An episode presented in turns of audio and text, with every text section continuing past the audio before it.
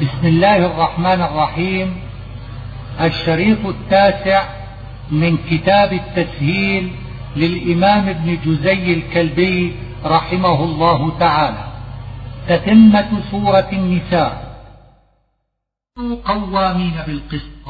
أي مجتهدين في إقامة العدل شهداء لله معناه لوجه الله ولمرضاته. ولو على أنفسكم يتعلق بشهد وشهادة الإنسان على نفسه هي إقراره بالحق ثم ذكر الوالدين والأقربين أي هم مظنة للتعصب والميل فإقامة الشهادة على الأجنبيين من باب أولى وأحرى.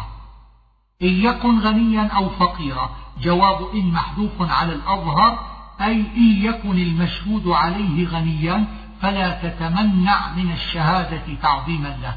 وإن كان فقيرا فلا تتمنع من الشهادة عليه اتفاقا. فإن الله أولى بالغني والفقير أي بالنظر إليهما. فلا تتبعوا الهوى أن تعدلوا. أن مفعول من أجله ويحتمل أن يكون المعنى من العدل.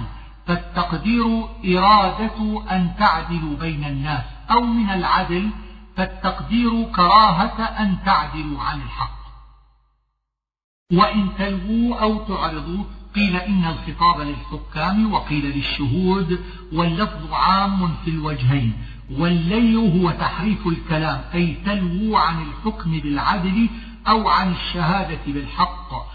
أو تعرضوا عن صاحب الحق أو عن المشهود له بالحق فإن الله يجازيكم فإنه خبير بما تعملون. وقرئ إن تلوا بضم اللام من الولاية أي إن وليتم إقامة الشهادة أو أعرضتم عنها. آمنوا بالله. الآية خطاب للمسلمين. معناه الأمر بأن يكون إيمانهم على الكمال بكل ما ذكر. أو يكون أمرا بالدوام على الإيمان. وقيل خطاب لأهل الكتاب الذين آمنوا بالأنبياء المتقدمين. معناه الأمر بأن يؤمنوا مع ذلك بمحمد صلى الله عليه وآله وسلم. وقيل خطاب للمنافقين معناه الأمر بأن يؤمنوا بألسنتهم وقلوبهم. إن الذين آمنوا ثم كفروا الآية قيل هي في المنافقين لترددهم بين الإيمان والكفر. وقيل هي في اليهود والنصارى لأنهم آمنوا بأنبيائهم ثم كفروا بمحمد صلى الله عليه وآله وسلم والأول أرجح لأن الكلام من هنا فيهم. والأظهر أنها في من آمن بمحمد صلى الله عليه وآله وسلم ثم ارتد ثم عاد إلى الإيمان ثم ارتد وازداد كفرا. لم يكن الله ليغفر لهم. ذلك في من علم الله أن يموت على كفره وقد يكون إضلالهم عقابا لهم بسوء أفعالهم. وقد نزل عليكم في الكتاب الآية إشارة إلى قوله وإذا رأيت الذين يخوضون في آياتنا فأعرض عنهم وغيرها. وفي الآية دليل على وجوب تجنب أهل المعاصي والضمير في قوله معهم يعود على ما يدل عليه سياق الكلام من الكافرين والمنافقين. الذين يتربصون بكم صفة للمنافقين أي ينتظرون بكم دوائر الزمان. ألم نستحوذ عليكم؟ أي نغلب على أمركم بالنصرة لكم والحمية. ولن يجعل الله للكافرين على المؤمنين سبيلا. قال علي بن أبي طالب وغيره ذلك في الآخرة وقيل السبيل هنا الحجة البالغة. يخادعون الله ذكر في البقرة وهو خادعهم تسمية للعقوبة باسم الذنب لأن وبال خداعهم راجع عليهم. مذبذبين أي مضطربين مترددين لا إلى المسلمين ولا إلى الكفار. سلطانا مبينا أي حجة ظاهرة. إن المنافقين في الدرك الأسفل أي في الطبقة السفلى من جهنم وهي سبع طبقات. وفي ذلك دليل على أنهم شر من الكفار. إلا الذين تابوا استثناء من المنافقين والتوبة هنا الإيمان الصادق في الظاهر والباطن. ما يفعل الله بعذابكم. المعنى أي حاجة ومنفعة لله بعذابكم وهو الغني عنكم وقدم الشكر على الإيمان لأن العبد ينظر إلى النعم فيشكر عليها ثم يؤمن بالمنعم فكان الشكر سببا للإيمان متقدم عليه. ويحتمل أن يكون الشكر يتضمن الإيمان ثم ذكر الإيمان بعده توكيدا واهتماما به والشاكر اسم لله ذكر في اللغات. إلا من ظلم أي إلا جهر المظلوم فيجوز له من الجهر أن يدعو على من ظلمه. وقيل أن يذكر ما فعل به من الظلم. وقيل أن يرد عليه بمثل مظلمته إن كان شتمه. إن تبدوا خيرا أو تخفوه الآية. ترغيب في فعل الخير سرا وعلانية. وفي العفو عن الظلم بعد أن أباح الانتصار لأن العفو أحب إلى الله من الانتصار وأكد ذلك بوصفه تعالى نفسه بالعفو مع القدرة. إن الذين يكفرون الآية في اليهود والنصارى لأنهم آمنوا بأنبيائهم وكفروا بمحمد صلى الله عليه وآله وسلم وغيره ومعنى التفريق بين الله ورسله الإيمان به. والكفر برسله. وكذلك التفريق بين الرسل هو الكفر ببعضهم والإيمان ببعضهم. فحكم الله على من كان كذلك بحكم الكفر الحقيقي الكامل. والذين آمنوا الآية في أمة محمد صلى الله عليه وآله وسلم لأنهم آمنوا بالله وجميع رسله. يسألك أهل الكتاب الآية روي أن اليهود قالوا للنبي صلى الله عليه وآله وسلم لن نؤمن بك حتى تأتينا بكتاب من السماء جملة كما أتى موسى بالتوراة وقيل كتاب إلى فلان وكتاب إلى فلان بأنك رسول الله. وإنما طلبوا ذلك على وجه التعنت فذكر الله سؤالهم من موسى وسوء أدبهم معه تسكية للنبي صلى الله عليه وآله وسلم بالتأسي بغيره. ثم ثم ذكر أفعالهم القبيحة ليبين أن كفرهم إنما هو عناد. وقد تقدم في البقرة ذكر طلبهم للرؤيا واتخاذهم العجل ورفع الطور فوقهم واعتداؤهم في السبت وغير ذلك بما أشير إليه هنا. فبما نقضهم ميثاقهم ما زائدة والباء تتعلق بمحذوف تقديره بسبب نقضهم فعلنا بهم ما فعلنا أو تتعلق بقولهم حرمنا عليهم ويكون فبظلم على هذا بدلا من قوله فبما نقضهم. بهتانا عظيما هو أن رموا مريم بالزنا مع رؤيتهم الآية في كلام عيسى, في عيسى عليه السلام في المهد. وقولهم إنا قتلنا المسيح عيسى ابن مريم. عدد الله في جملة قبائحهم قولهم إنا قتلنا المسيح لأنهم قالوها افتخارا وجرأة مع أنهم كذبوا في ذلك ولزمهم الذنب وهم لم يقتلوه لأنهم صلبوا الشخص الذي ألقي عليهم شبهه وهم يعتقدون أنه عيسى.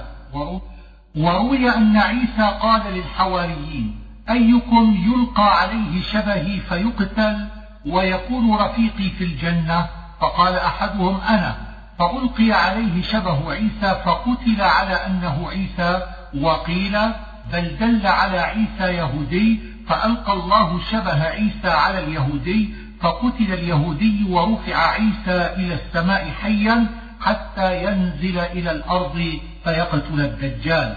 رسول الله. إن قيل كيف قالوا فيه رسول الله وهم يكفرون به ويسبونه فالجواب من ثلاثة أوجه. أحدها أنهم قالوا ذلك على وجه التهكم والاستهزاء والثاني أنهم قالوه على حسب اعتقاد المسلمين فيه كأنهم قالوا رسول الله عندكم أو بزعمكم. والثالث أنه من قول الله لا من قولهم فيوقف قبله. وفائدة تعظيم ذنبهم وتقبيح قولهم إنا قتلناه. وما قتلوه وما صلبوه رد عليهم وتكذيب لهم وللنصارى أيضا في قولهم إنه صلب حتى عبدوا الصليب من أجل ذلك. والعجب كل العجب من تناقضهم في قولهم إنه إله أو ابن إله ثم يقولون إنه صلب. ولكن شبه لهم فيه تأويلان. أحدهما ما ذكرناه من إلقاء شبهه على الحواري أو على اليهودي والآخر أن معناه شبه لهم الأمر أي خلط لهم القوم الذين حاولوا قتله بأنهم قتلوا رجلا آخر وصلبوه ومنعوا الناس أن يقربوا منه حتى تغير بحيث لا يعرف. وقالوا للناس هذا عيسى ولم يكن عيسى فاعتقد الناس صدقهم وكانوا متعمدين للكذب وإن الذين اختلفوا فيه لفي شك منه. روي أنه لما رفع عيسى وألقي شبهه على غيره فقتلوه قالوا إن كان هذا المقتول عيسى فأين صاحبنا؟ وإن كان هذا صاحبنا فأين عيسى؟ فاختلفوا فقال بعضهم هو وقال بعضهم ليس هو فأجمعوا أن شخصا قتل واختلفوا من كان. إلا اتباع الظن. استثناء منقطع لأن العلم تحقيق والظن تردد. وقال ابن عطية هو متصل إذ الظن والعلم يجمعهما جنس المعتقدات. فإن قيل كيف وصفهم بالشك وهو تردد بين احتمالين على السواء ثم وصفهم بالظن وهو ترجيح أحد الاحتمالين فالجواب أنهم كانوا على الشك ثم لاحت لهم أمارات فظنوا قاله الزمخشري وقد يقال الظن بمعنى الشك وبمعنى الوهم الذي هو أضعف من الشك وما قتلوه يقينا أي ما قتلوه قتلا يقينا فإعراب يقينا على هذا صفة لمصدر محذوف. وقيل هي مصدر في موضع الحال أي ما قتلوه متيقنين. وقيل هو تأكيد للنفي الذي في قوله ما قتلوه أي يتيقن نفي قتله. وعلى هذا وهو على هذا منصوب على المصدرية. بل رفعه الله إليه أي إلى سمائه. وقد ورد في حديث الإسراء أنه في السماء الثانية. وإن من أهل الكتاب إلا ليؤمنن به قبل موته. فيها تأويلان. أحدهما أن الضمير في موته لعيسى والمعنى أنه كل أحد من أهل الكتاب يؤمن بعيسى حين ينزل إلى الأرض. قبل أن يموت عيسى وتصير الأديان كلها حينئذ دينا واحدا وهو دين الإسلام. والثاني أن الضمير في موته للكتاب الذي تضمنه قوله وإن من أهل الكتاب. التقدير وإن من أهل الكتاب أحد إلا ليؤمنن بعيسى ويعلم أنه نبي قبل أن يموت هذا الإنسان وذلك حين معاينة الموت وهو إيمان لا ينفعه وقد روي هذا المعنى عن ابن عباس وغيره. وفي مصحف أبي بن كعب قبل موتهم. وفي هذه القراءة تقوية للقول الثاني والضمير في به لعيسى على الوجهين وقيل هو لمحمد صلى الله عليه وآله وسلم.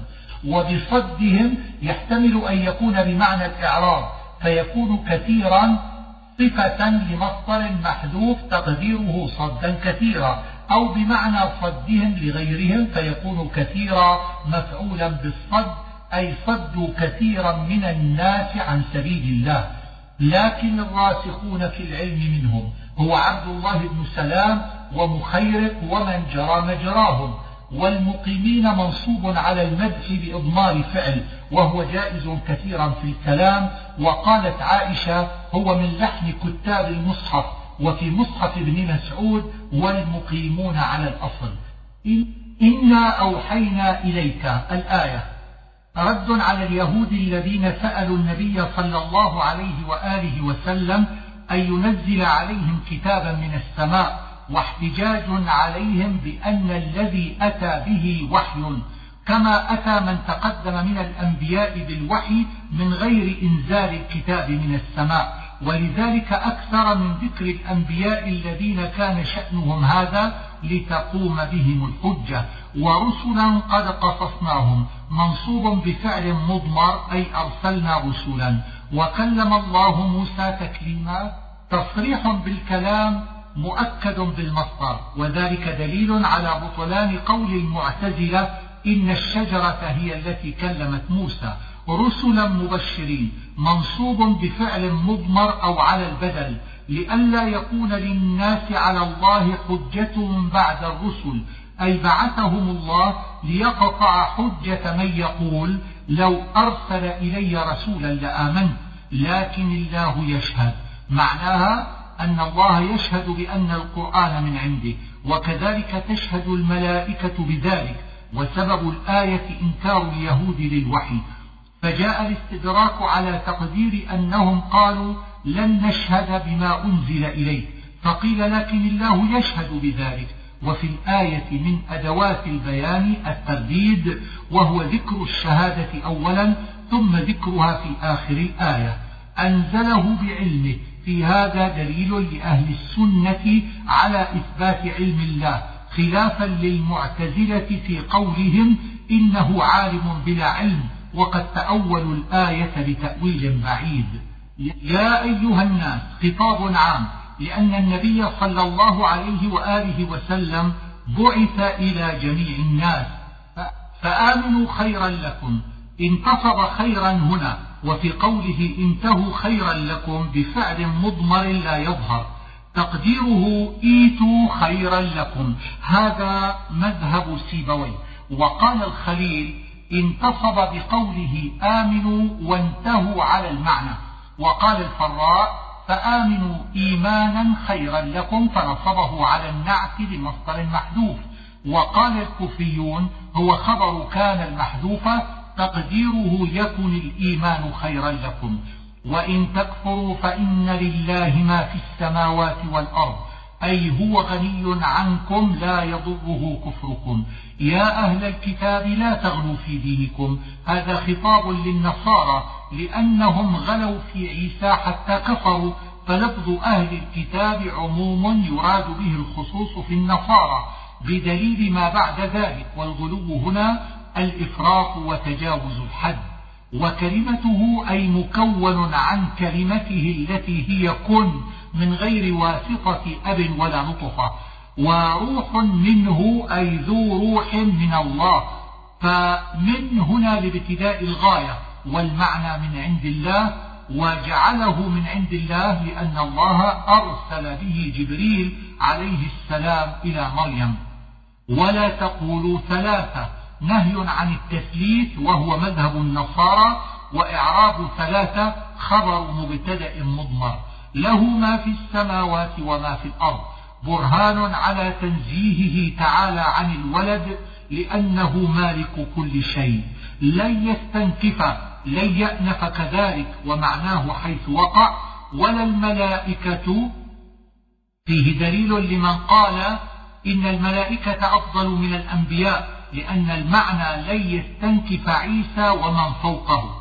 قد جاءكم برهان هو القرآن وهو أيضا النور المبين ويحتمل أن يريد بالبرهان الدلائل والحجج وبالنور النبي صلى الله عليه وسلم لأنه سماه سراجا.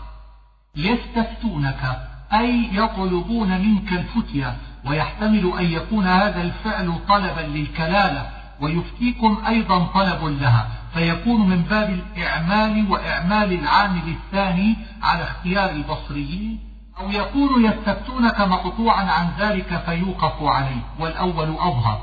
وقد تقدم معنى الكلالة في أول السورة والمراد بالأخت والأخ هنا الشقائق والذين للأب إذا عدم الشقائق.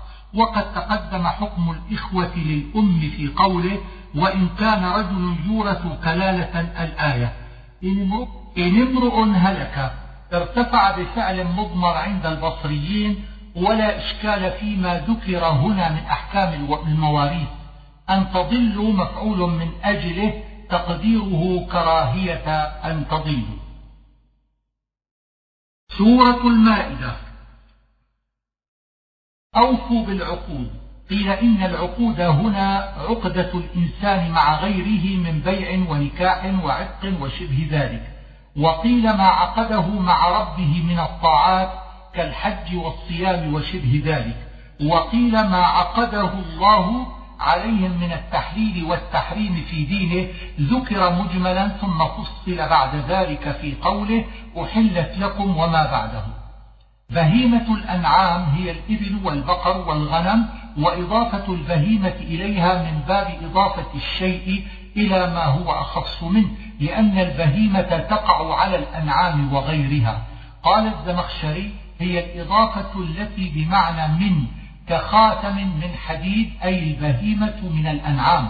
وقيل هي الوحش كالضباء وبقر الوحش والمعروف من كلام العرب أن الأنعام لا تقع إلا على الإبل والبقر والغنم وأن البهيمة تقع على كل حيوان ما عدا الإنسان إلا ما يتلى عليكم يريد الميتة وأخواتها غير محل الصيد نصب على الحال من الضمير في لكم وأنتم حر حال من محل الصيد وحرم جمع حرام وهو المحرم بالحج فالاستثناء بإلا من البهائم المحللة والاستثناء بغير من القوم المخاطبين لا تحلوا شعائر الله. قيل هي مناسك الحج.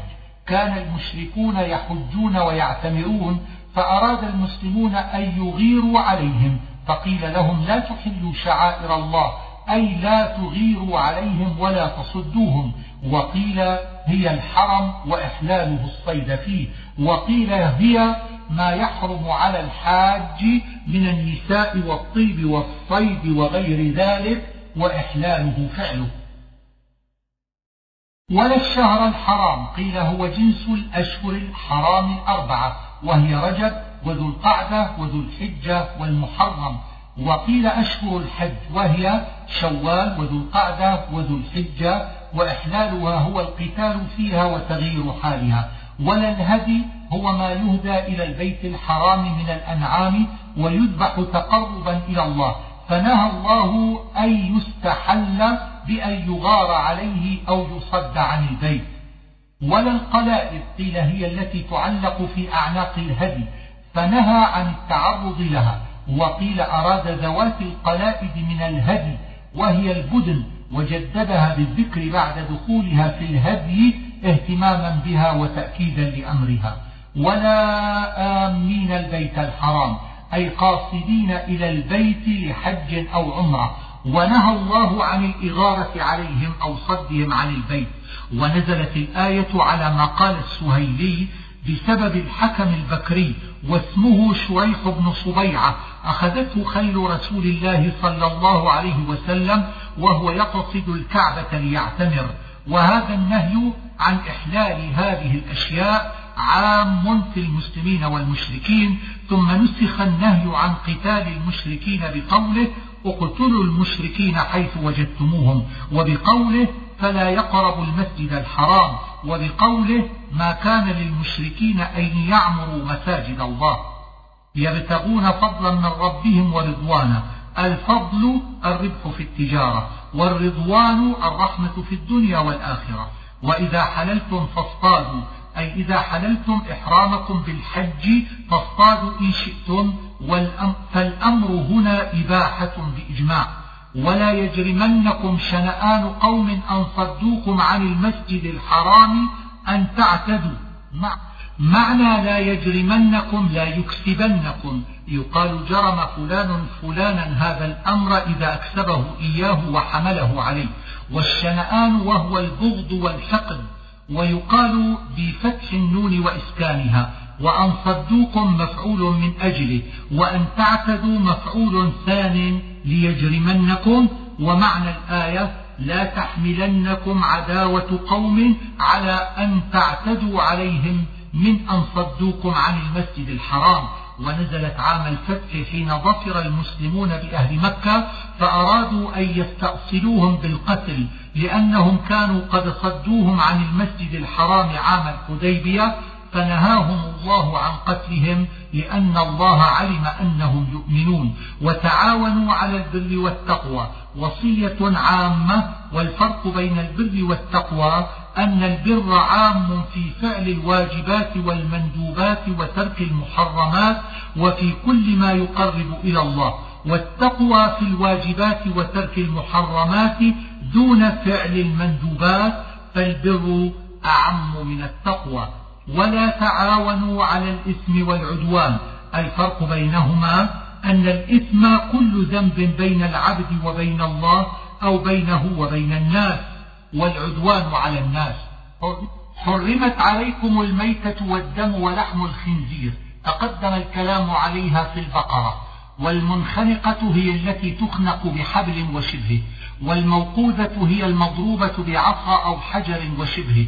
والمتردية هي التي تسقط من جبل أو شبه ذلك. والنطيحة هي التي نطحتها بهيمة أخرى. وما أكل السبع أي أكل بعضه. والسبع كل حيوان مفترس كالذئب والأسد والنمر والثعلب والعقاب والنسر. إلا ما ذكيتم قيل إنه استثناء منقطع وذلك إذا أريد بالمنخنقة وأخواتها ما مات من الاختناق والوقز والتردية والنطح وأكل السبع. والمعنى حرمت عليكم هذه الأشياء لكن ما ذكيتم من غيرها فهو حلال. وهذا قول ضعيف. لأنها إن ماتت بهذه الأسباب فهي ميتة فقد دخلت في عموم الميتة فلا فائدة لذكرها بعدها. وقيل إنه استثناء متصل وذلك إن أريد بالمنخنقة وأخواتها ما أصابته تلك الأسباب وأدركت زكاته. والمعنى على هذا إلا ما أدركتم زكاته من هذه الأشياء فهو حلال. ثم اختلف أهل هذا القول. هل يشترط أن تكون لم تنفذ مقاتلها أم لا؟ وأما إذا لم تشرف على الموت من هذه الأسباب فزكاتها جائزة باتفاق. وما ذبح على النصب عطف على المحرمات المذكورة والنصب حجارة كان أهل الجاهلية يعظمونها ويذبحون عليها. وليست بالأصنام لأن الأصنام مصورة والنصب غير مصورة. وهي الأنصاب والمفرد نصاب. وقد قيل إن النصب بضمتين مفرد وجمعه أنصاب. وأن تستقسموا بالأزلام عطف على المحرمات أيضا والاستقسام هو طلب ما قسم له والأزلام هي السهام واحدها ظلم بضم الزاي وفتحها. وكانت ثلاثة قد كتب على أحدهما افعل وعلى الآخر لا تفعل والثالث مهمل. فإذا أراد الإنسان أن يعمل أمرا جعلها في خريطة وأدخل يده وأخرج أحدها فإن خرج له الذي فيه افعل فعل ما أراد وإن خرج له الذي فيه لا تفعل تركه وإن خرج المهمل أعاد الضرب. ذلكم فسق الإشارة إلى تناول المحرمات المذكورة كلها. أو إلى الاستقسام بالأزلام. وإنما حرمه الله وجعله فسقا لأنه دخول في علم الغيب الذي انفرد الله به فهو كالكهانة وغيرها مما يرام به الاطلاع على الغيوب. اليوم يئس الذين كفروا من دينكم أن يئسوا أن يغلبوه ويطلبوه. ونزلت بعد العصر من يوم الجمعة يوم عرفة في حجة الوداع فذلك هو اليوم المذكور لظهور الإسلام فيه وكثرة المسلمين ويحتمل أن يكون الزمان الحاضر لا اليوم بعينه. اليوم أكملت لكم دينكم. هذا الإكمال يحتمل أن يكون بالنصر والظهور أو بتعليم الشرائع وبيان الحلال والحرام. فمن اضطر راجع إلى المحرمات المذكورة قبل هذا أباحها الله عند الاضطرار. في مخمصة في مجاعة غير متجانف لإثم هذا بمعنى غير باغ ولا عاد وقد تقدم في البقرة فإن الله غفور رحيم قام مقام فلا جناح عليه وتضمن زيادة الوعد. يسألونك ماذا أحل لهم؟ سببها أن المسلمين سألوا رسول الله صلى الله عليه وآله وسلم عما يحل لهم من المأكل وقيل لما أمر صلى الله عليه وآله وسلم بقتل الكلاب سألوه ماذا يحل لنا من الكلاب؟ فنزلت مبينة للصيد بالكلاب. قل أحل لكم الطيبات. هي عند مالك الحلال وذلك مما لم يرد تحريمه في كتاب ولا سنة. وعند الشافعي الحلال المستلذ فحرم كل مستقذر كالخنافس وشبهها لأنها من الخبائث. وما علمتم من الجوارح. عطف على الطيبات على حذف مضاف تقديره وصيد ما علمتم. أو مبتدأ وخبره فكلوا مما أمسكن عليكم وهذا أحسن لأنه لا خلاف فيه. والجوارح هي الكلاب ونحوها مما يصطاد به وسميت جوارح لأنها كواسب لأهلها فهو من الجرح بمعنى الكسب ولا خلاف في جواز الصيد بالكلاب واختلف في من سواها ومذهب الجمهور الجواز للأحاديث الواردة في البازات وغيرها. ومن ومنع بعض ذلك لقوله مكلبين فإنه مشتق من الكلب. ونزلت الآية بسبب عدي بن حاتم كان له كلاب يصطاد بها فسأل رسول الله صلى الله عليه وآله وسلم عما يحل من الصيد.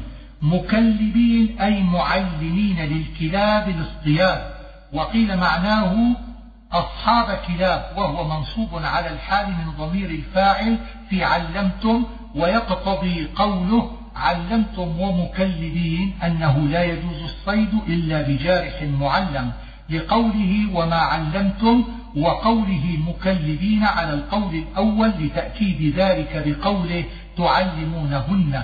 وحد التعليم عند ابن القاسم أن يعلم الجارح الإشلاء والزجر وقيل الإشلاء خاصة وقيل الزجر خاصة وقيل يجيب إذا دعي.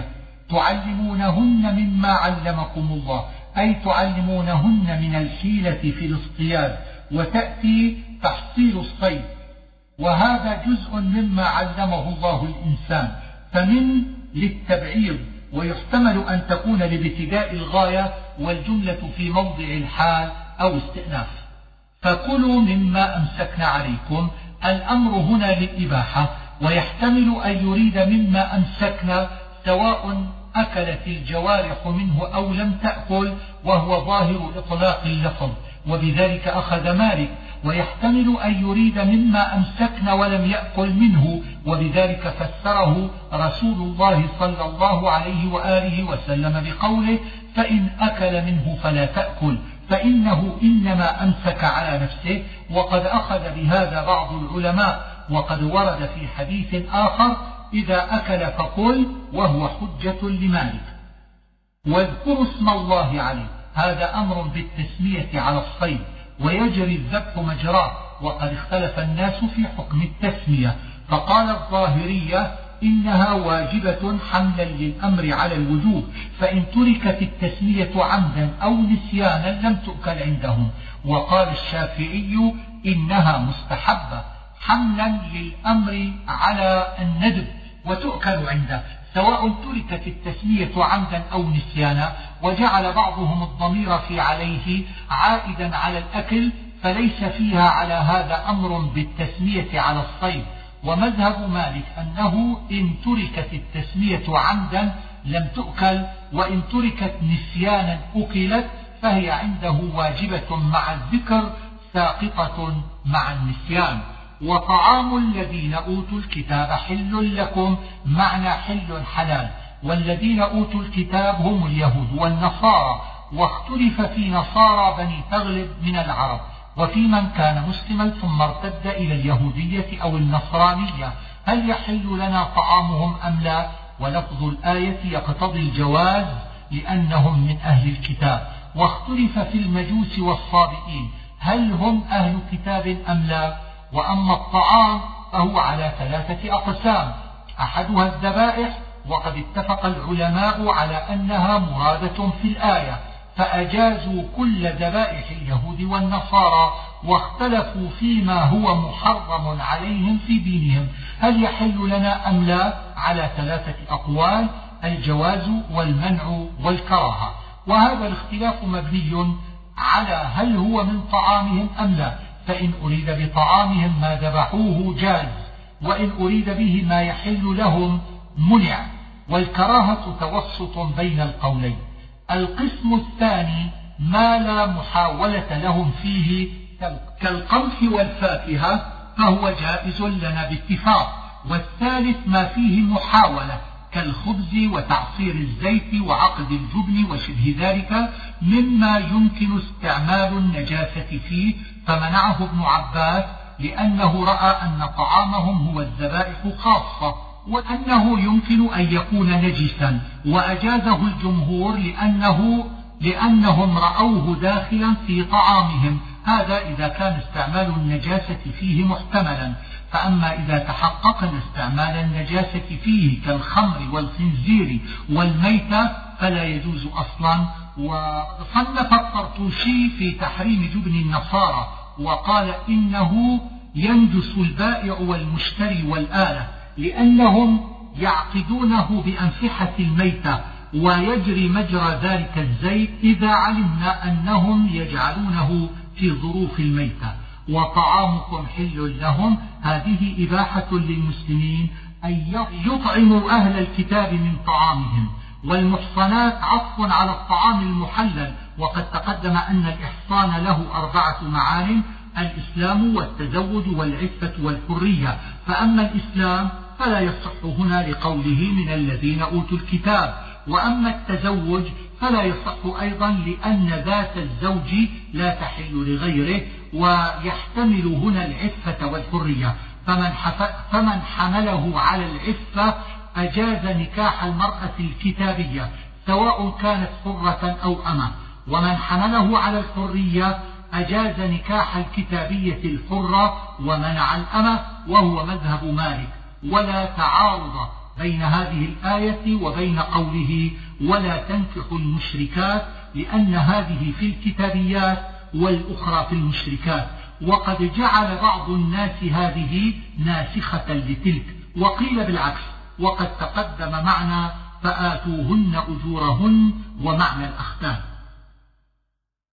يا أيها الذين آمنوا إذا قمتم إلى الصلاة. الآية نزلت في غزوة المريسيع حين انقطع عقد عائشة رضي الله عنها فأقام الناس على التماسه وليسوا على ماء. وليس معهم ماء فنزلت الرخصة في التيمم.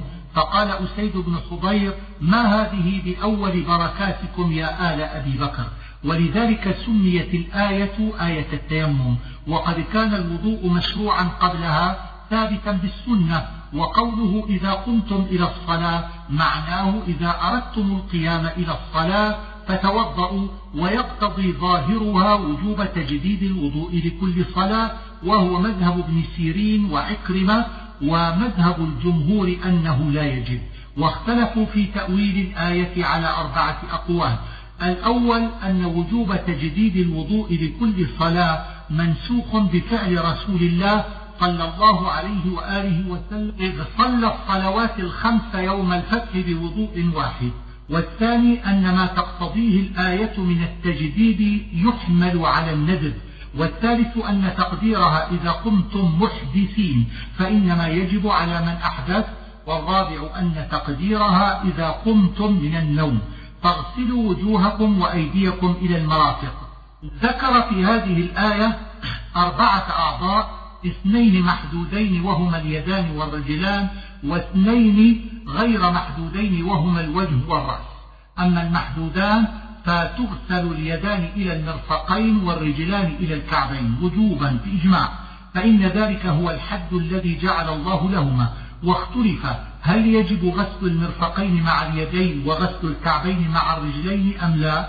وذلك مبني على معنى إلى. فمن جعل إلى بمعنى مع في قوله إلى المرافق وإلى الكعبين أوجب غسلهما. ومن جعلها بمعنى الغاية لم يوجب غسلهما. واختلف في الكعبين. هل هما اللذان عند معقد الشراك أو العظمان الناتئان في طرف الساق؟ وهو أظهر لأنه ذكرهما بلفظ التثنية ولو كان اللذان عند معقد الشراك لذكرهما بلفظ الجمع كما ذكر المرافق لأنه على ذلك في كل رجل كعب واحد. وأما غير المحدودين فاتفق على وجوب إيعاب الوجه. وحده طولا من أول منابت الشعر إلى آخر الذقن أو اللحية وحده عرضا من الأذن إلى الأذن وقيل من العذار إلى العذار. وأما الرأس فمذهب مالك وجوب إيعابه كالوجه ومذهب مذهب كثير من العلماء جواز الاقتصار على بعضه لما ورد في الحديث أن رسول الله صلى الله عليه وآله وسلم مسح على ناصيته. ولكنه مختلف في القدر الذي يجزئ على أقوال كثيرة. وامسحوا برؤوسكم. اختلف في هذه الباب. فقال قوم إنها للتبعيض وبنوا على ذلك جواز مسح بعض الرأس وهذا القول غير صحيح عند أهل العربية. إنها باء الاستعانة التي تدخل على الآلات.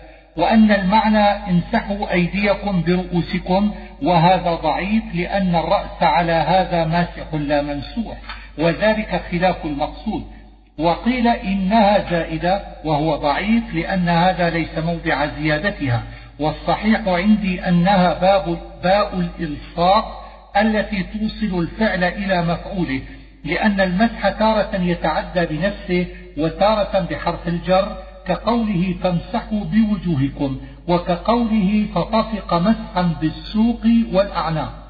وأرجلكم إلى الكعبين قرئ وأرجلكم بالنصب عطفا على الوجوه والأيدي فيقتضي ذلك وجوب غسل الرجلين.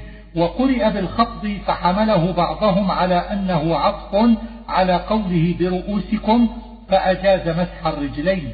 روي ذلك عن ابن عباس.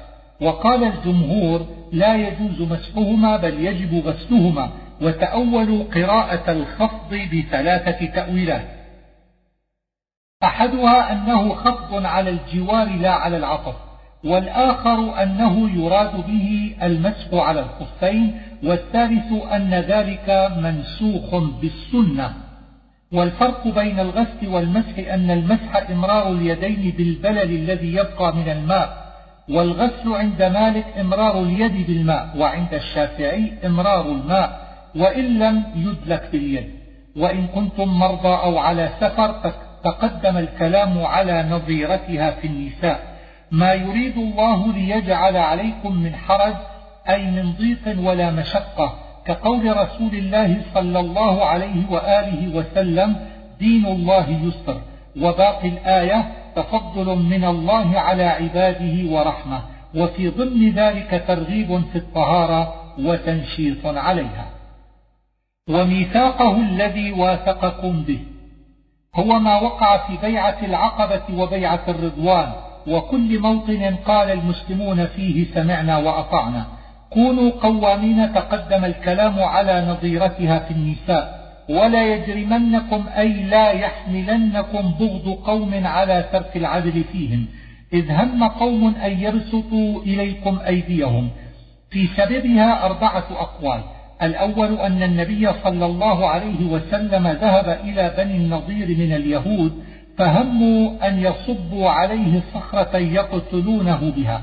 فأخبره جبريل بذلك فقام من المكان. ويقوي هذا القول ما ورد في الآيات بعد هذا في غدر اليهود. والثاني أنها نزلت في شأن الأعرابي الذي سل السيف على رسول الله صلى الله عليه وسلم حين وجده في سفر وهو وحده. وقال له من يمنعك مني؟ قال الله. فأغمد السيف وجلس واسمه غورة ابن الحارث الغطفاني. والثالث أنها فيما هم به الكفار من الإيقاع بالمسلمين حين نزلت صلاة الخوف. والرابع أنها على الإطلاق في دفع الله الكفار عن المسلمين. اثني عشر نقيبا النقيب هو كبير القوم القائم بأمورهم. إني معكم أي بنصري والخطاب لبني إسرائيل وقيل للنقباء يحرفون الكلم اختلف هل أريد تحريف الألفاظ أو المعاني؟ ولا تزال تطلع على خائنة منهم أي على خيانة فهو مصدر كالعاقبة وقيل على طائفة خائنة وهو إخبار بأمر مستقبل. فاعف عنهم منسوخ بالسيف والجزية. ومن الذين قالوا إنا نصارى أي ادعوا أنهم أنصار الله وسموا أنفسهم بذلك ثم كفروا بالله ووصفوه بما لا يليق به وتتعلق من الذين بأخذنا ميثاقهم والضمير عائد على النصارى. فأغرينا أي أثبتنا وألصقنا وهو مأخوذ من الإغراء. يا أهل الكتاب في الموضعين يعم اليهود والنصارى وقيل إنها نزلت بسبب اليهود الذين كانوا بالمدينة فإنهم كانوا يذكرون رسول الله صلى الله عليه وسلم ويصفونه بصفته فلما حل بالمدينة كفروا به. قد جاءكم رسولنا يعني محمدا صلى الله عليه وسلم وفي الآية دلالة على صحة نبوته لأنه بين لهم ما أخفوه مما في كتبهم وهو أمي لم يقرأ كتبهم. ويعفو عن كثير أن يتركه ولا يصلحكم فيه نور وكتاب مبين. محمد صلى الله عليه وسلم والقرآن. قل فمن يملك من الله شيئا الآية؟ رد على الذين قالوا إن الله هو عيسى وهم فرقة من النصارى. يخلق ما يشاء. إشارة إلى خلقه عيسى من غير والد وقالت اليهود والنصارى. أي قالت كل فرقة عن نفسها إنهم أبناء الله وأحباؤه والبنوة هنا بنوة الحنان والرأفة. وقال الزمخشري المعنى نحن أشياع أبناء الله عندهم وهما المسيح وعزير كما يقول حشم الملوك نحن الملوك. فلم يعذبكم؟ رد عليهم لأنهم قد اعترفوا أنهم يدخلون النار أياما معدودات. وقد أخذ الصوفية من الآية أن المحب لا يعذب حبيبه ففي ذلك بشارة لمن أحبه الله. وجعلكم ملوكا قيل جعل منكم ملوكا أي أمراء وقيل الملك من له مسكن وامرأة وخادم. ما لم يؤت أحدا من العالمين قيل يعني المن والسلوى والغمام وغير ذلك من الآيات وعلى هذا يكون العالمين خاصا بأهل زمانهم. لأن أمة, لأن أمة محمد صلى الله عليه وآله وسلم قد أوتيت من آياته مثل ذلك وأعظم. وقيل المراد كثرة الأنبياء. فعلى هذا يكون عاما لأن الأنبياء في بني إسرائيل أكثر منهم في سائر الأمم. الأرض المقدسة أرض بيت المقدس وقيل الطور وقيل دمشق. التي كتب الله لكم أي قضى أن تكون لكم. ولا ترتدوا على أدباركم. يحتمل أن يريد الارتداد عن الدين والطاعة والرجوع إلى الطريق الذي جاءوا منه. فإنه روي أنه لما أمرهم موسى عليه السلام بدخول الأرض المقدسة خافوا من الجبارين الذين فيها وهموا أن يقدموا على أنفسهم رئيسا ويرجعوا إلى مصر. قوما جبارين هم العمالقة قال رجلان هما يوشع وكالب يخافون أي يخافون الله وقيل يخافون الجبارين ولكن الله أنعم عليهما بالصبر والثبوت لصدق إيمانهما. ادخلوا عليهم الباب أي باب المدينة فاذهب أنت وربك إفراط في العصيان وسوء الأدب بعبارة تقتضي الكفر والاستهانة بالله ورسوله. وأين هؤلاء من الذين قالوا لرسول الله صلى الله عليه وآله وسلم لسنا نقول لك كما قالت بنو إسرائيل ولكن نقول لك اذهب أنت وربك فقاتلا إنا معكما مقاتلون. لا أملك إلا نفسي وأخي قاله موسى عليه السلام ليتبرأ إلى الله من قول بني إسرائيل ويبذل جهده في طاعة الله ويعتذر إلى الله وإعراض أخي عطف على نفسي لأن, أخ لأن أخاه هارون كان يطيعه وقيل عطف على الضمير في لا أملك أي لا أملك أنا إلا نفسي ولا يملك أخي إلا نفسه. وقيل مبتدأ وخبره محذوف أي أخي لا يملك إلا نفسه. فافرق بيننا أي فافرق بيننا وبينهم فهو من الفرقة. وقيل افصل بيننا وبينهم بحكم. قال فإنها محرمة عليهم أربعين سنة الضمير في قال لله تعالى وحرم الله على جميع بني إسرائيل دخول تلك المدينة أربعين سنة وتركهم في هذه المدة يتيهون في الأرض أي في أرض التيه وهو ما بين مصر والشام حتى مات كل من قال إنا لن ندخلها. ولم يدخلها أحد من هذا الجيل إلا يوشع وكالب ومات هارون في التيه ومات موسى بعده في التيه أيضا. وقيل إن موسى وهارون لم يكونا في التيه لقوله فافرق بيننا وبين القوم الفاسقين. وخرج يوشع ببني إسرائيل بعد الأربعين سنة وقاتل الجبارين وفتح المدينة. والعامل في أربعين محرمة على الأصح فيجب, وصل فيجب وصله معه. وقيل العامل فيه يتيهون فعلى هذا يجوز الوقف على قوله محرمة عليهم. وهذا ضعيف لأنه لا حامل على تقديم المعمول هنا مع أن القول الأول أكمل معنى لأنه بيان لمدة التحريم والتيه يتيهون أي يتحيرون وروي أنهم كانوا يسيرون الليل كله فإذا أصبحوا وجدوا أنفسهم في الموضع الذي كانوا فيه.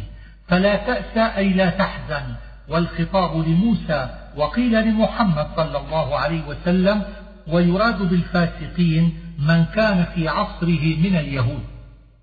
نبأ ابني آدم هما قابيل وهابيل إذ قرب قربانا روي أن قابيل كان صاحب زرع فقرب أرذل زرعه وكان هابيل صاحب غنم فقرب أحسن كبش عنده وكانت العادة حينئذ أن يقرب الإنسان قربانه إلى الله ويقوم يصلي.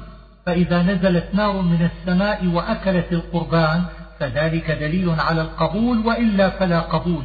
فنزلت النار فأخذت كبش هابيل ورفعته وتركت زرع قابيل فحسده قابيل فقتله.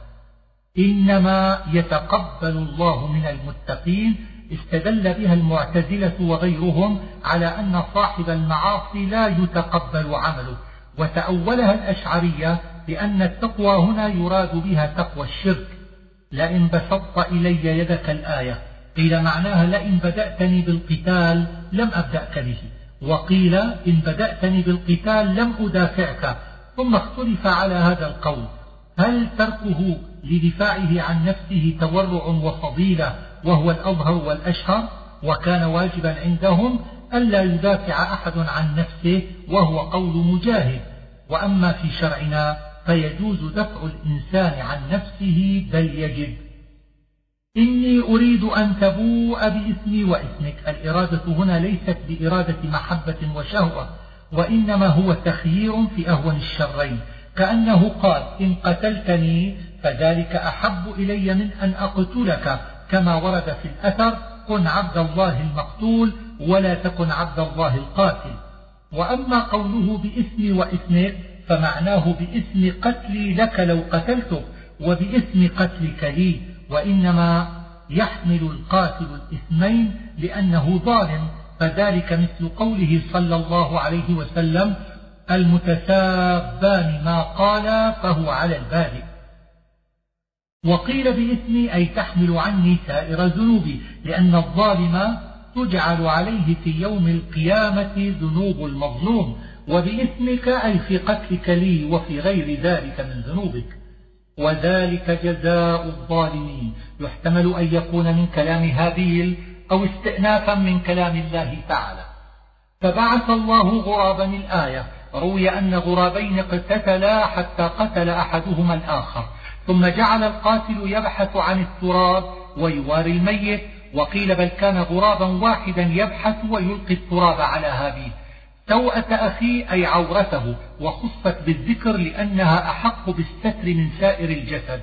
والضمير في أخيه عائد على ابن آدم ويظهر من هذه القصة أن هابيل كان أول من دفن من بني آدم.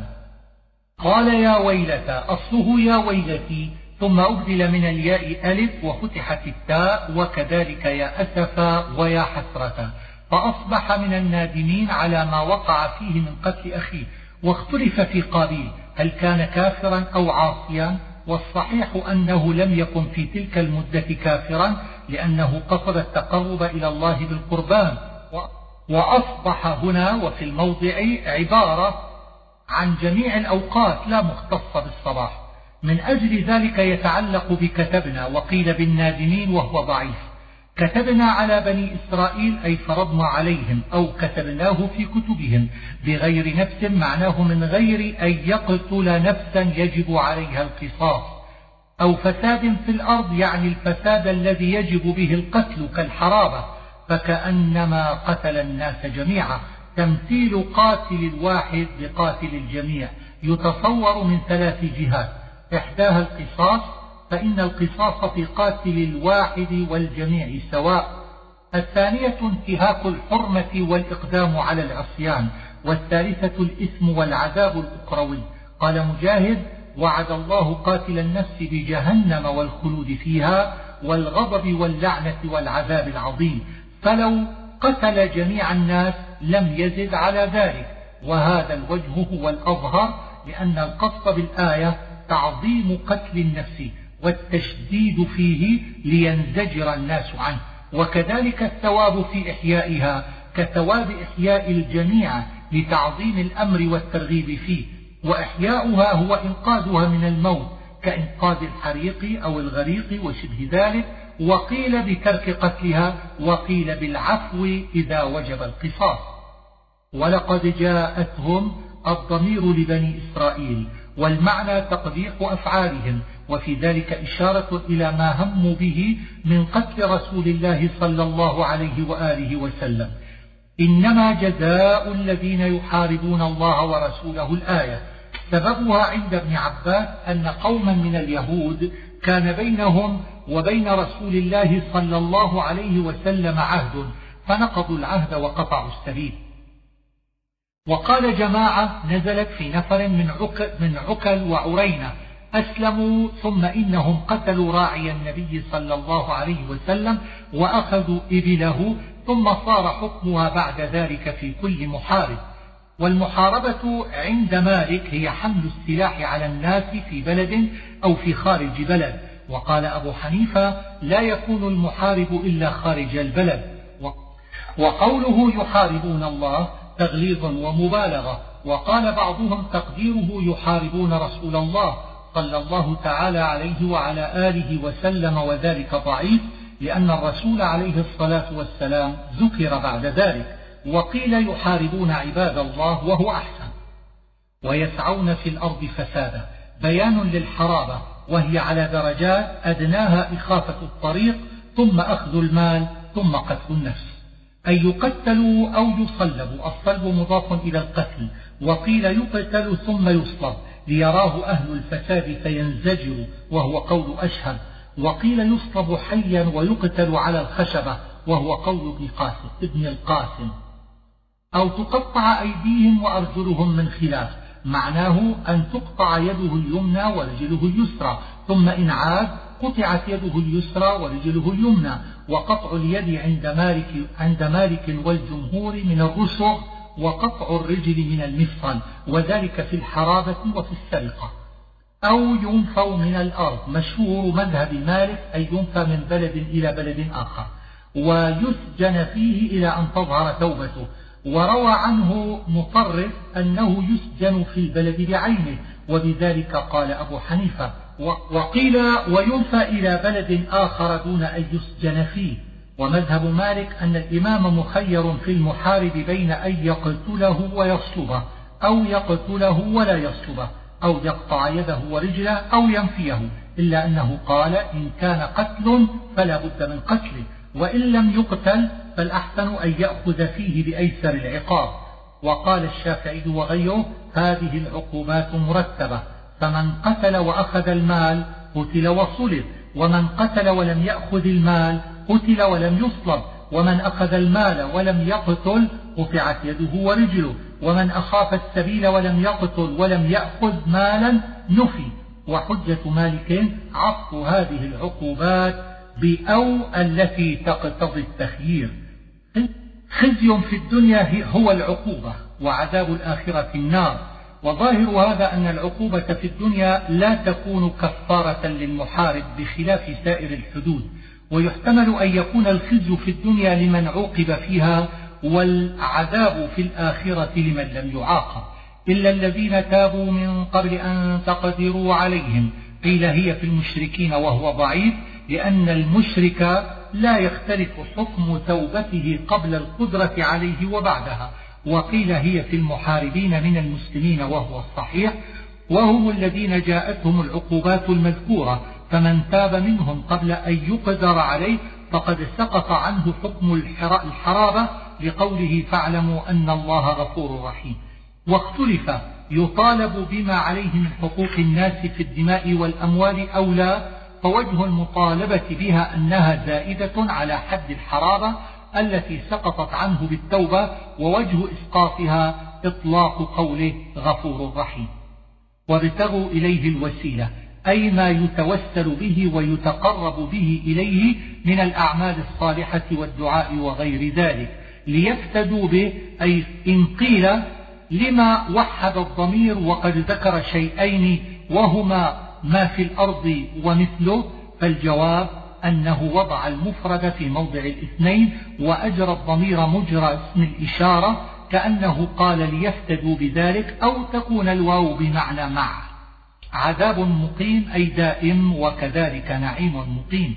والسارق والسارقة فاقطعوا أيديهما. عموم الآية يقتضي قطع كل سارق إلا أن الفقهاء اشترطوا في القطع شروطا خصصوا بها العموم. فمن ذلك من اضطره الجوع إلى السرقة لم يقطع عند مالك لتحليل الميتة له. وكذلك من سرق مال والده أو سيده أو من سرق من غير حرز أو سرق أقل من النصاب وهو عند مالك ربع دينار من الذهب أو ثلاثة دراهم من الفضة أو ما يساوي أحدهما. وأدلة التخصيص بهذه الأشياء في غير هذه الآية. وقد قيل إن الحرز مأخوذ من هذه الآية لأن ما أهمل بغير حرز أو ائتمن عليه فليس أخذه سرقة وإنما هو اختلاس أو خيانة وإعراب السارق عند سيبويه مبتدأ وخبره محذوف كأنه قال فيما يتلى عليكم السارق والسارقة والخبر عند المبرد وغيره فقطعوا أيديهما ودخلت الفاء لتضمنها معنى الشر فمن تاب من بعد ظلمه الآية توبة السارق هو أن يندم على ما مضى ويقلع فيما يستقبل ويرد ما سرق إلى من يستحقه واختلف إذا تاب قبل أن يصل إلى الحاكم. هل يسقط عنه القطع وهو مذهب الشافعي لظاهر الآية أو لا يسقط عنه وهو مذهب مالك لأن الحدود عنده لا تسقط بالتوبة إلا عن المحارب للنص عليه؟ يعذب من يشاء قدم العذاب على المغفرة لأنه قوبل بذلك تقدم السرقة على التوبة. يا أيها الرسول الآية خطاب للنبي صلى الله عليه وآله وسلم على وجه التسلية. من الذين قالوا آمنا بأفواههم هم المنافقون ومن الذين هادوا يحتمل أن يكون عطفا على الذين قالوا آمنا ثم يكون سماعون استئناف إخبار عن الصنفين المنافقين واليهود. ويحتمل أن يكون من الذين هادوا استئنافا منقطعا مما قبله وسماعون راجع إليهم خاصة. سماعون لقوم آخرين أي سماعون كلام قوم آخرين من اليهود الذين لا يأتون النبي صلى الله عليه وسلم لإفراط البغضة والمجاهرة بالعداوة فقوله لم يأتوك صفة لقوم آخرين والمراد بالقوم الآخرين يهود خيبر والسماعون للكذب بنو قريظة. يحرفون الكلم من بعد مواضعه أي يبدلونه من بعد أن يوضع في موضعه وقصدت به وجوهه القويمة وذلك من صفة اليهود. يقولون إن أوتيتم هذا فخذوا نزلت بسبب أن يهوديا زنى بيهودية فسأل رسول الله صلى الله عليه وسلم اليهود عن حد الزاني عندهم فقالوا نجلدهما ونحمم وجوههما. فقال لهم رسول الله صلى الله عليه وسلم إن في التوراة الرجم فأنكروا ذلك فأمرهم أن يأتوا بالتوراة فقرأوها فجعل أحدهم يده على آية الرجم. فقال له عبد الله بن سلام ارفع يدك فرفع فإذا آية الرجم. فأمر رسول الله صلى الله عليه وسلم باليهودي واليهودية فرجما فمعنى قولهم إن أوتيتم هذا فخذوه إن أوتيتم هذا الذي ذكرتم من الجلد والتحنين فخذوه واعملوا به وإن لم تؤتوه وأفتاكم محمد صلى الله عليه وسلم بغيره فاحذروا. فتنته أي ضلالته في الدنيا أو عذابه في الآخرة. في الدنيا خزي الذلة والمسكنة والجزية. سماعون للكذب إن كان الأول في اليهود فكررها هنا تأكيدا وإن كان الأول في المنافقين واليهود فهذا في اليهود خاصة. أكالون للسحت أي للحرام من الرشوة والربا وشبه ذلك. فاحكم بينهم أو أعرض عنهم. هذا تخير للنبي صلى الله عليه وسلم في أن يحكم بين اليهود أو يتركهم وهو أيضا يتناول الحاكم وقيل إنه منسوخ بقوله وأن احكم بينهم بما أنزل الله. وكيف يحكمونك الآية؟ استبعاد لتحكيمهم النبي صلى الله عليه وسلم وهم لا يؤمنون به مع أنهم يخالفون حكم التوراة التي يدعون الإيمان بها فمعنى ثم يتولون من بعد ذلك أي يتولون عن اتباع حكم الله في التوراة من بعد كون حكم الله فيها موجودا عندهم ومعلوما في قضية الرجم وغيرها. وما أولئك بالمؤمنين يعني أنهم لا يؤمنون بالتوراة وبموسى عليه السلام وهذا إلزام لهم لأن من خالف كتاب الله وبدله فدعواه الإيمان به باطلا. النبيون الذين أسلموا هم الأنبياء الذين بين موسى ومحمد صلى الله عليه وسلم. ومعنى أسلموا هنا أخلصوا لله وهو صفة مدح أريد به التعريض باليهود لأنهم بخلاف هذه الصفة. وليس المراد هنا الإسلام الذي هو ضد الكفر لأن الأنبياء لا يقال فيهم أسلموا على هذا المعنى لأنهم لم يكفروا قط وإنما هو كقول إبراهيم عليه السلام أسلمت لرب العالمين وقوله تعالى قل فقل أسلمت وجهي لله. للذين هادوا متعلق بيحكم أي يحكم الأنبياء بالتوراة للذين هادوا ويحملونهم عليها ويتعلق بقوله فيه هدى ونور. بما استحفظوا أي كلفوا حفظه. والباء هنا سببية قاله الزمخشري. ويحتمل أن تكون بدلا من المجرور في قوله يحكم بها. فلا تخشوا الناس وما بعده خطاب لليهود. ويحتمل أن تكون وصية للمسلمين يراد بها التعريض باليهود لأن ذلك من أفعالهم. ومن لم يحكم بما أنزل الله فأولئك هم الكافرون. قال ابن عباس نزلت الثلاثة في اليهود الكافرون والظالمون والفاسقون. وقد روي في هذا أحاديث عن النبي صلى الله عليه وسلم وقال جماعة هي عامة في كل من لم يحكم بما أنزل الله من اليهود والمسلمين وغيرهم إلا أن الكفر في حق المسلمين كفر معصية لا يخرجهم عن الإيمان. وقال الشافعي الكافرون في المسلمين والظالمون في اليهود والفاسقون في النصارى. وكتبنا عليهم فيها كتبنا بمعنى الكتابة في الألواح أو بمعنى الفرض والإلزام والضمير في عليهم لبني إسرائيل وفي قوله فيها للتوراة. أن النفس بالنفس أي تقتل النفس إذا قتلت نفسا. وهذا إخبار عما في التوراة وهو حكم في شريعتنا بإجماع. إلا أن هذا اللفظ عام وقد خصص العلماء منه أشياء. فقال مالك لا يقتل مؤمن بكافر للحديث الوارد في ذلك. ولا يقتل حر بعبد لقوله الحر بالحر والعبد بالعبد وقد تقدم الكلام على ذلك في البقرة. والعين بالعين وما بعده حكم القصاص في الأعضاء والقراءة بنصب العين وما بعده عطف على النفس وقرئ بالرفع ولها ثلاثة أوجه. أحدها العطف على موضع النفس لأن المعنى قلنا لهم النفس بالنفس والثاني العطف على الضمير الذي هو في الخبر وهو بالنفس والثالث أن يكون مستأنفا مرفوعا بالابتداء. والجروح قصاص بالنصب عطف على المنصوبات قبله وبالرفع على الأوجه الثلاثة التي في رفع العين. وهذا اللفظ عام يراد به الخصوص في الجراح التي لا يخاف على النفس منها فمن تصدق به فهو كفارة له. فيه تأويلان. أحدهما من تصدق من أصحاب الحق بالقصاص وعفى عنه فذلك كفارة له يكفر الله ذنوبه لعفوه وإسقاطه حقه.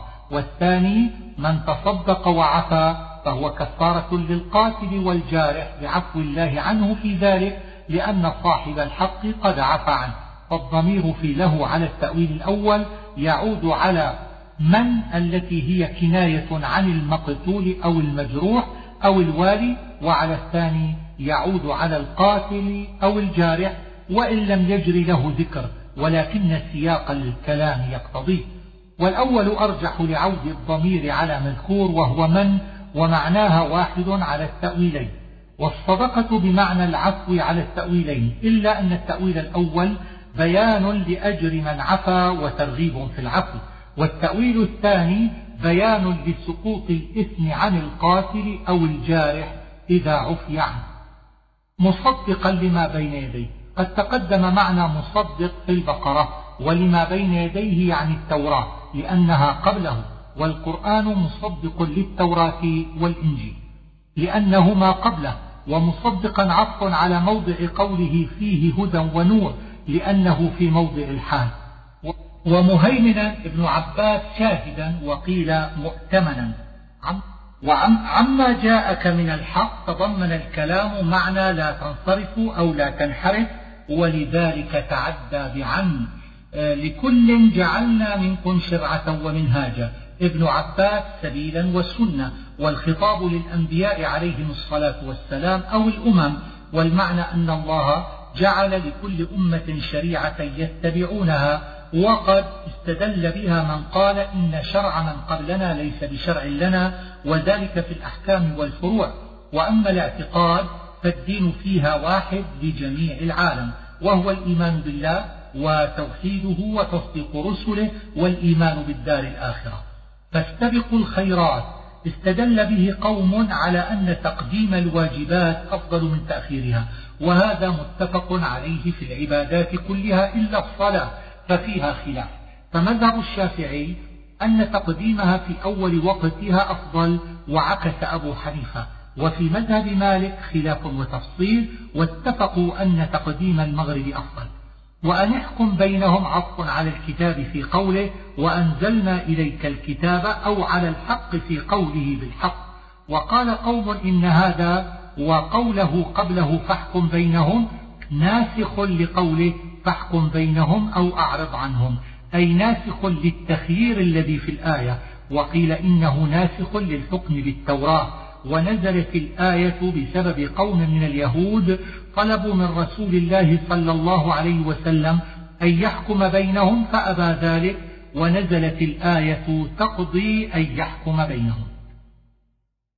أفحكم الجاهلية يبغون؟ توبيخ لليهود. وقرئ بالياء إخبارا عنهم وبالتاء خطابا لهم. لقوم يوقنون قال الزمخشري اللام للبيان. أي هذا الخطاب لقوم يوقنون. فإن الذين فإنهم الذين يتبين لهم أنه لا أحسن من الله حكما يا أيها الذين آمنوا لا تتخذوا اليهود والنصارى أولياء. سببها موالاة عبد الله بن أبي بن سلول ليهود بني قينقاع وخلع عبادة بن الصامت الحلف الذي كان بينه وبينهم ولفظها عام وحكمها باق ولا يدخل فيه معاملتهم في البيع والشراء وشبهه فإنه منهم تغليظ في الوعيد فمن كان يعتقد معتقدهم فهو منهم من كل وجه ومن خالفهم في اعتقادهم وأحبهم فهو منهم في المقت عند الله واستحقاق العقوبة. فترى الذين في قلوبهم مرض هم المنافقون. والمراد هنا عبد الله بن أبي بن سلول ومن كان معه. يقولون نخشى أن تصيبنا دائرة. كان عبد الله بن أبي يوالي اليهود ويستكثرهم ويقول إني رجل أخشى الدوائر. فعسى الله أن يأتي بالفتح أو أمر من عنده. الفتح هنا هو ظهور النبي صلى الله عليه وسلم والمسلمين. والأمر من عنده هو هلاك الأعداء بأمراض عنده لا يكون فيها تسبب لمخلوق. أو أمر من الله لرسوله عليه الصلاة والسلام بقتل اليهود. فيصبحوا على ما أسروا في أنفسهم نادمين. الضمير فيه فيصبحوا للمنافقين والذي أسروه هو قصدهم الاستعانة باليهود على المسلمين وإضمار العداوة للمسلمين. ويقول الذين آمنوا قرئ يقول بغير واو استئناف وإخبار وقرئ بالواو والرفع وهو عطف جملة على جملة وبالواو والنصب عطفا على أن يأتي الله أو عطفا على فيصبح. هؤلاء الذين أقسموا الإشارة إلى المنافقين لأنهم كانوا يحلفون أنهم مع المؤمنين وانتصب جهد أيمانهم على المصدر المؤكد. حبطت أعمالهم يحتمل أن يكون من كلام المؤمنين أو من كلام الله ويحتمل أن يكون دعاء أو خبرا. من يرتد منكم عن دينه خطاب على وجه التحذير والوعيد وفيه إعلام بارتداد بعض المسلمين فهو إخبار بالغيب قبل وقوعه ثم وقع فارتد في حياة رسول الله صلى الله عليه وسلم بنو حنيفة قوم مسيلمة الكذاب وبنو مدلج قوم الأسود العنسي الذي ادعى النبوة وقتل في حياة رسول الله صلى الله عليه وسلم. وبنو أسد قوم طليحة بن خويلد الذي ادعى النبوة ثم أسلم وجاهد. ثم كثر المرتدون وفشى أمرهم بعد موت رسول الله صلى الله عليه وسلم حتى كفى الله أمرهم على يد أبي بكر الصديق رضي الله عنه. وكانت القبائل التي ارتدت بعد وفاة رسول الله صلى الله عليه وسلم سبع قبائل بنو فزارة وغطفان وبنو سليم وبنو يربوع وكندة وبنو بكر بن وائل وبن وبعض بني تميم ثم ارتدت غسان في زمان عمر بن الخطاب وهم جبلة بن الأيهم الذي تنصر من أجل اللقمة. فسوف يأتي الله بقوم يحبهم ويحبونه. روي أن رسول الله صلى الله عليه وسلم قرأها وقال هم قوم هذا يعني أبا موسى الأشعري. والإشارة بذلك والله أعلم إلى أهل اليمن لأن الأشعريين من أهل اليمن وقيل, وقيل المراد أبو بكر الصديق وأصحابه الذين قاتلوا أهل الردة ويقوي ذلك ما ظهر من أبي بكر الصديق رضي الله عنه من الجد في قتالهم والعزم عليه حين خالفه في ذلك بعض الناس فاشتد عزمه حتى وافقوه وأجمعوا عليه فنصرهم الله على أهل الردة. ويقوي ذلك أيضا أن الصفات التي وصف بها هؤلاء القوم هي أوصاف أبي بكر ألا ترى قوله أذلة على المؤمنين أعزة على الكافرين؟ وكان أبو بكر ضعيفا في نفسه قويا في الله وكذلك قوله ولا يخافون لومة لائم إشارة إلى أن من خالف أبا بكر ولامه في قتال أهل الردة فلم يرجع عن عزمه. أذلة على المؤمنين كقوله أشداء على الكفار رحماء بينهم. وإنما تعدى أذلة بعلى لأنه تضمن معنى العطف والثنو فإن قيل أين الراجع من الجزاء إلى الشر؟ فالجواب إنه محذوف تقديره من يرتد منكم عن دينه فسوف يأتي الله بقوم مكانهم أو بقوم يقاتلونهم. إنما وليكم الله. ذكر الولي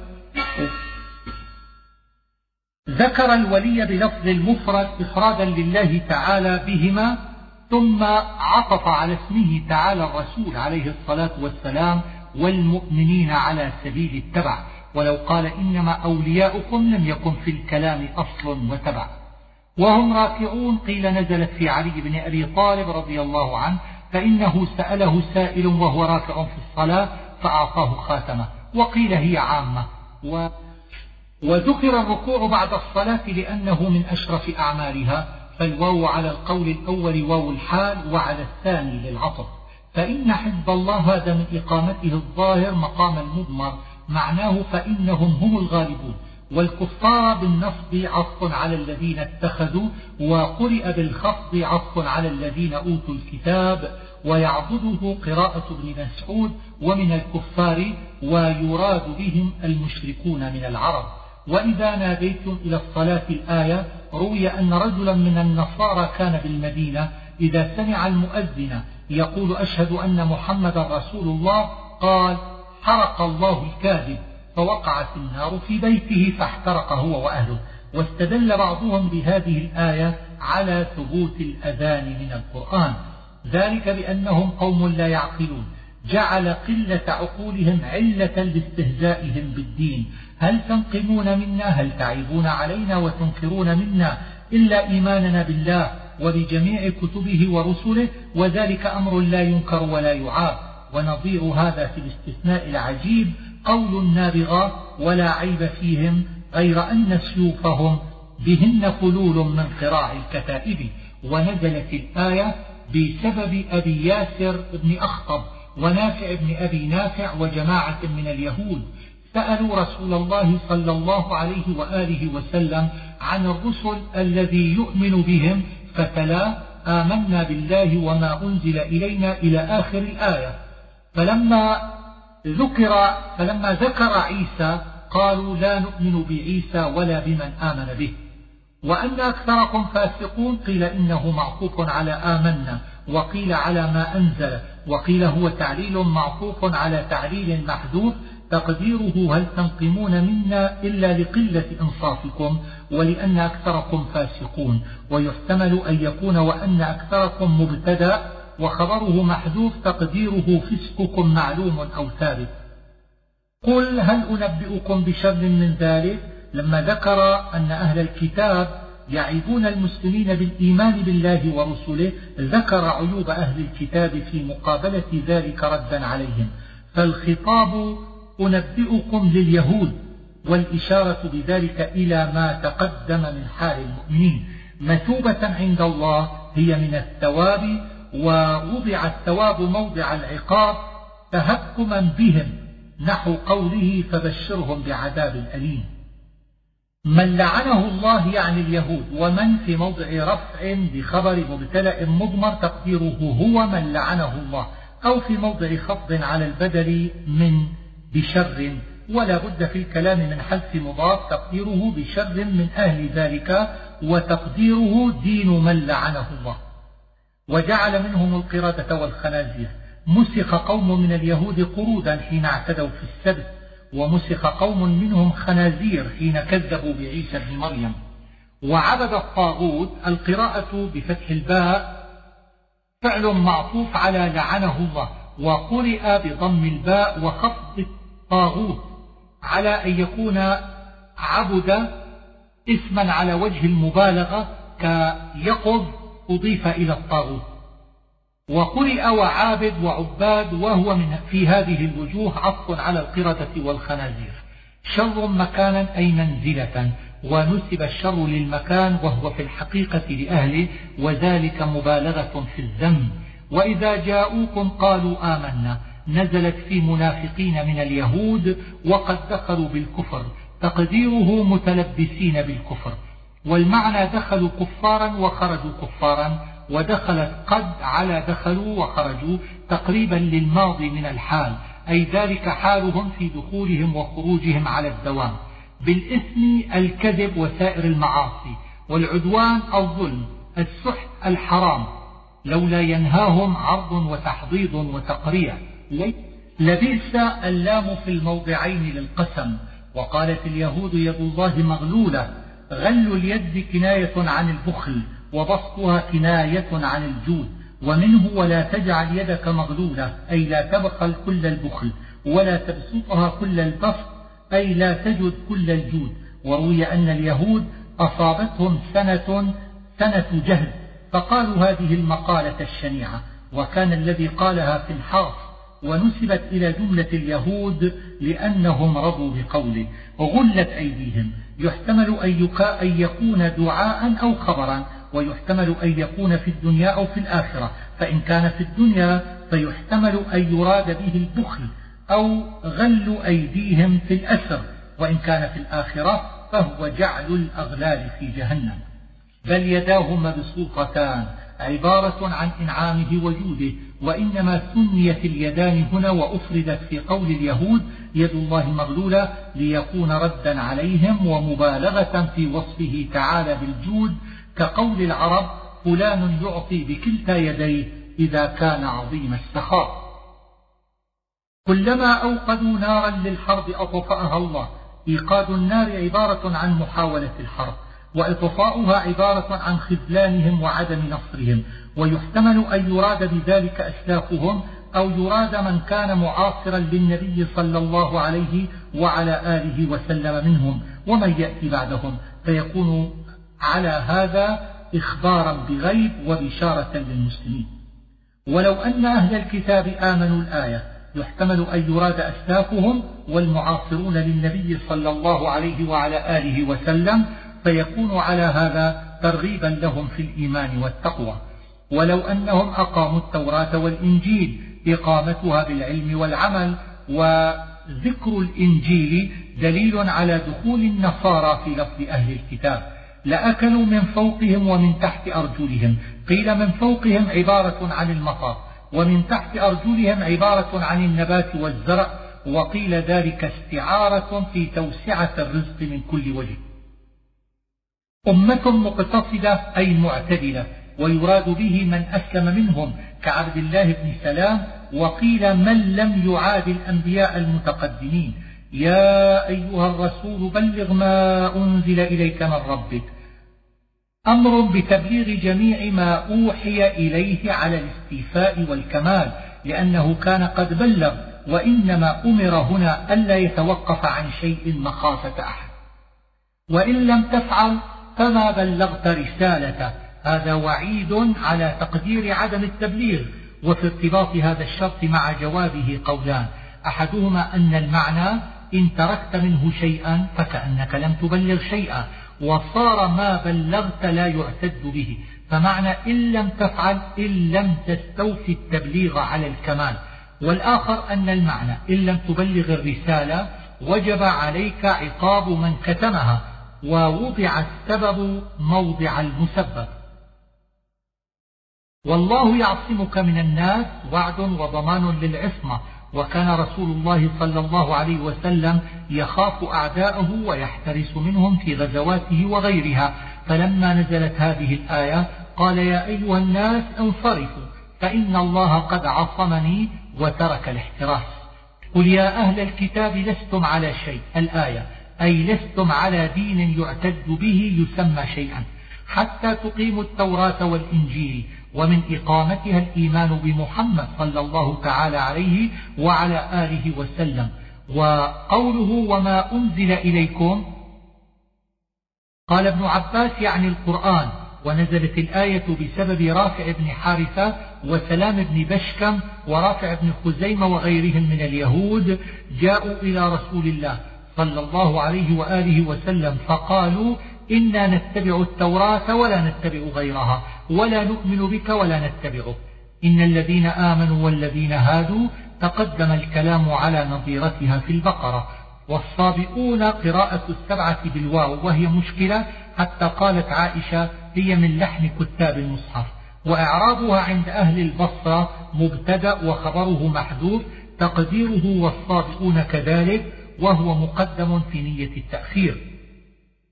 وأجاز بعض الكوفيين أن يكون معطوفا على موضع اسم إن وهي وقيل إن هنا بمعنى نعم وما بعدها مرفوع بالابتداء وهو ضعيف.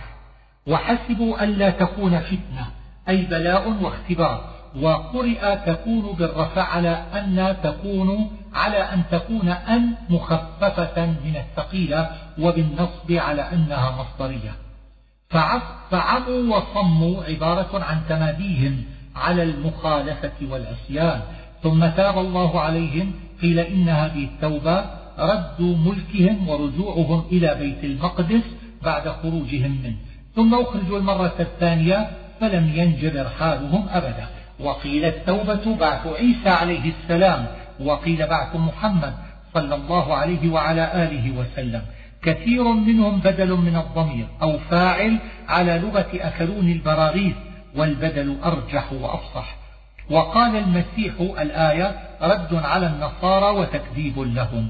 وما للظالمين من أنصار يحتمل أن يكون من كلام المسيح أو من كلام الله. ما المسيح ابن مريم إلا رسول؟ الآية رد على من جعله إلها.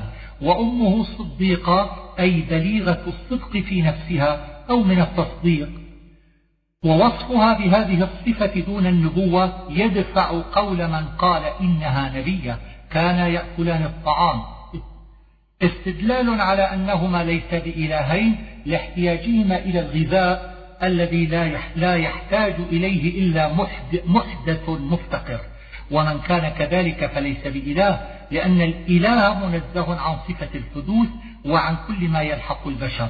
وقيل إن قوله يأكلان الطعام عبارة عن الاحتياج إلى الغائط ولا ضرورة تدعو إلى إخراج اللفظ عن ظاهره لأن الحجة قائمة بالوجهين.